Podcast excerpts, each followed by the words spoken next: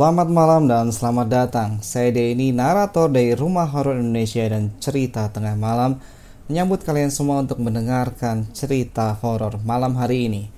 Dan cerita horor malam hari ini berjudul Mitos Darah Haid. Nama Kurina. Kejadian ini kualami ketika di sela-sela akhir semester menuju pembagian raport yang kebetulan juga saat itu aku sedang haid. Aku seorang pelajar SMA kelas 2 dan tinggal bersama dengan kedua orang tuaku. Sebelumnya, aku tidak mempercayai mitos-mitos tentang darah haid yang katanya bisa mengundang kuntilanak karena katanya kuntilanak menyukai bebauan seperti darah haid. Pagi hari sebelum berangkat sekolah, aku selalu sarapan bersama kedua orang tuaku sekitar pukul 6 pagi. Aku yang sedang haid saat itu entah kenapa rasanya seperti ingin mengganti pembalut, padahal belum ada sejam aku memakai pembalut ini. Karena tidak nyaman, aku memilih mengganti pembalut di kamar mandi. Aku yang seorang pemalas membuatku butuh waktu yang sangat lama untuk di kamar mandi hanya untuk mengganti pembalut. Saking lamanya hingga aku diteriaki ibuku kalau aku sudah harus berangkat ke sekolah karena waktu sudah hampir setengah tujuh. Setelah mendengar teriakan ibu, aku pun langsung mempercepat gerakanku. Karena bingung aku ingin membuang ke mana pembalut itu, maka aku masukkan saja ke dalam kantong kresek yang kemudian aku bawa dan aku taruh di sudut kamarku. Kunyalakan sepeda motorku menuju sekolah. Ya, aku sudah punya KTP dan SIM untuk mengendarai motor metik kesayanganku. Seperti biasa, aku berkendara layaknya seorang pelajar yang sudah telat masuk sekolah. Walaupun sebenarnya di sekolah pun bebas, tidak ada KBM. Suara klakson motorku memecah gerombolan pelajar lainnya di depan gerbang sekolah. Setelah memarkirkan motor, aku pun lega. Ah, untung kagak telat pikirku. Saat aku berdiri, aku melihat jok motorku seperti ada noda. Ya, itu adalah noda darah haid. Ah, sialan. Bocor nih, ucapku dalam hati. Hei Rin, apa lu? Tanya seorang temanku, Resti namanya. Bocor nih gue, jawabku. Nih, nih, sambil memberikan sebuah pembalut yang dibungkus plastik. Pakai punya gue, ucap temanku. Oke, tapi anterin gue dulu dong ke kamar mandi, ajakku. Ya udah, ayo, ucap temanku. Saat sampai di kamar mandi, temanku Resti tidak ikut masuk, tetapi hanya menunggu di depan pintu kamar mandi yang aku kunci. Kamar mandi di sekolahku memang diberikan sebuah cermin kecil untuk berkaca dan merapikan seragam seusai buang air. Saat aku mengganti pembalut, rasanya ada yang aneh. Iya, pembalutku tidak penuh. Dan aku baru sadar kalau celana dalam yang aku pakai pun tidak tembus darah. Tapi kenapa rok abu-abu yang aku pakai dan jok motor ada darahnya? Karena merasa aneh, aku tetap mengganti pembalut dan mengganti seragam putih abuku menjadi baju olahraga.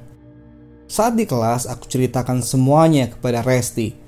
Dimulai dari saat pagi hari tiba-tiba pembalut yang aku pakai jadi penuh darah, jok dan rok yang ada darahnya, sedangkan celana dalam dan pembalut yang aku pakai tidak ada darahnya.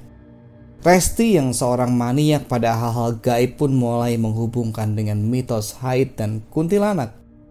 Aku tidak takut, justru ketawa karena mana ada kuntilanak pagi-pagi gini. Resti terus meyakinkan aku bahwa itu semua ulah kuntilanak. Dia pernah membaca sebuah cerita bahwa seorang perempuan tiba-tiba kesurupan karena tidak membuang pembalut bekas haidnya. Ketika mendengar cerita Resti tersebut, aku langsung bilang kepadanya bahwa aku tidak membuang pembalutku dari pagi dan Resti jadi kesal dan terus menakut-nakuti diriku. Sepulang sekolah, aku tidak langsung pulang, melainkan main terlebih dahulu hingga pulang sore sekitar pukul 5. Bunyi pintu rumah yang aku ketuk. Aku ketuk berulang-ulang, tetap tidak ada yang menjawab atau membukakan pintu. Aku telepon ibu dan katanya ibu dan bapak sedang ada acara hingga larut malam, sehingga kunci pintu ditaruh di atas pot yang digantung dan sudah disediakan makanan di dapur. Setelah dapat masuk ke dalam rumah, aku pun bermalas-malasan. Suara azan maghrib terdengar, sedangkan aku masih memakai seragam dan belum mandi. Karena gatal, akhirnya aku putuskan untuk mandi menyegarkan badan yang lelah ini. Saat hendak masuk ke dalam kamar mandi, sepintas aku teringat pembalut bekas haid tadi pagi. Tetapi setelah ku cari sudah tidak ada. Ah, paling udah diambil ibu, pikirku saat itu. Aku menyalakan shower. Saat sedang mandi, rasanya seperti ada yang menggedor-gedor pintu depan rumah. Karena penasaran, aku mematikan shower agar lebih jelas mendengarnya. Ternyata benar, ada yang menggedor-gedor pintu. Aku teriak, "Iya, sebentar ya."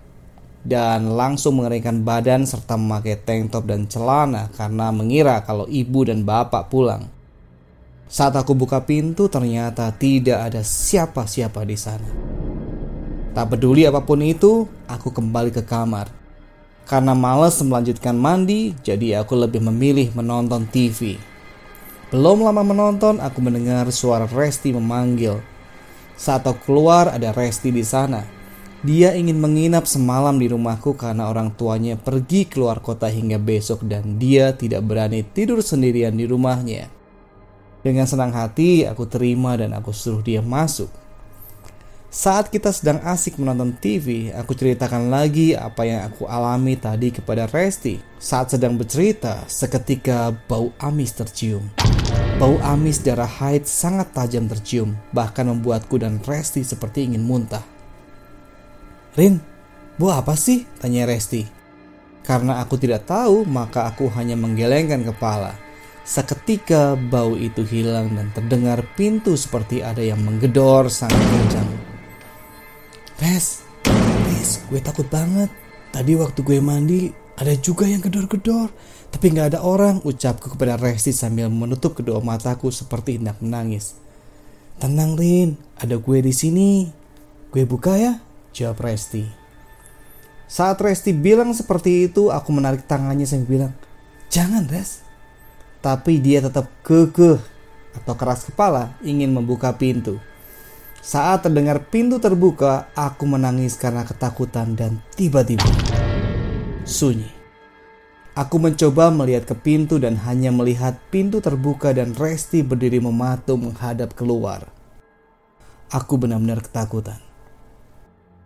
Aku sentuh pundaknya dan aku putar badannya. Terlihat mukanya penuh tatapan kosong. Aku berulang-ulang teriak memanggil namanya, namun tetap tidak ada reaksi apa-apa. Tiba-tiba Resti berteriak. Kemudian matanya menjadi sangat lentik dan gerak badannya yang sangat anggun. Dia berjalan berputar sambil mengepakkan tangannya seperti mempunyai sayap. Suara tawa yang melengking keluar dari mulutnya. Aku berteriak dan menangis sangat amat kencang hingga membuat beberapa tetanggaku keluar dari rumahnya dan berusaha menolong aku. Seorang bapak-bapak yang baru saja pulang dari masjid yang aku tidak tahu namanya, beliau menyeretku keluar dari rumah dan menyuruh warga lain menenangkanku. Kamu kenapa? Ada apa? Pertanyaan-pertanyaan yang aku dengar dari warga lainnya secara berantai. Karena masih panik dan kaget aku berteriak. Diam! Sambil menangis. Akhirnya warga diam dan menenangkanku.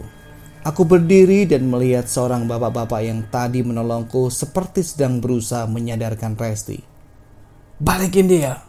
Teriak Resti yang sedang disadarkan oleh bapak-bapak itu. Aku tidak mendengar dengan jelas bapak-bapak itu mengatakan apa saja, yang aku tangkap hanya menanyakan siapa yang merasuki Resti dan tujuannya apa. Aku pun mendengar jawabannya yaitu Aku Kunti, aku suka darahnya. Aku langsung lemas mendengar itu dan seketika pingsan. Neng, bangun, bangun Neng. Bapak-bapak tadi menyadarkanku dari pingsan. Kamu gak apa-apa? Semuanya sudah aman kok temanmu juga sudah sadar lagi, ucap bapak-bapak itu. Aku duduk dan menyender ke dinding dan bertanya, Kenapa tadi pak? Bapak tahu kamu sedang haid dan tidak menjaga kebersihan dengan baik. Kamu nggak membuang pembalutmu kan? Bapak menemukan tadi di sudut kamar kamu. Kunti itu yang menunjukkannya. Dia bilang kalau dia memang suka dengan bebauan seperti darah haid. Jawab bapak-bapak tersebut. Aku hanya mengangguk. Itu ibu sama ayahmu juga udah datang. Kamu yang tenang ya. Jangan lupa buat jaga kebersihan. karena kotoran itu adalah makanan kesukaan setan. Pesan terakhir dari bapak-bapak itu. Kemudian beliau berdiri dan bersalaman dengan orang tuaku dan pergi begitu saja. Keadaan Resti juga sudah sangat baik. Tinggal aku sendiri yang masih terkujur lemah di atas kasur. Sekitar setengah jam kemudian aku merasakan sudah segar. Aku dan Resti tidur sekamar. Kami tidak takut lagi dengan ancaman-ancaman yang datang dari makhluk gaib tersebut kami mendapatkan sebuah pelajaran bahwa kebersihan itu sangat penting. Jangan membiarkan setan mendapatkan makanannya di rumah yang kita tinggali. Oke teman-teman, itu cerita horor kita untuk malam hari ini. Terima kasih sudah mendengarkan sampai habis. Sampai ketemu di cerita berikutnya. Selamat malam dan selamat beristirahat.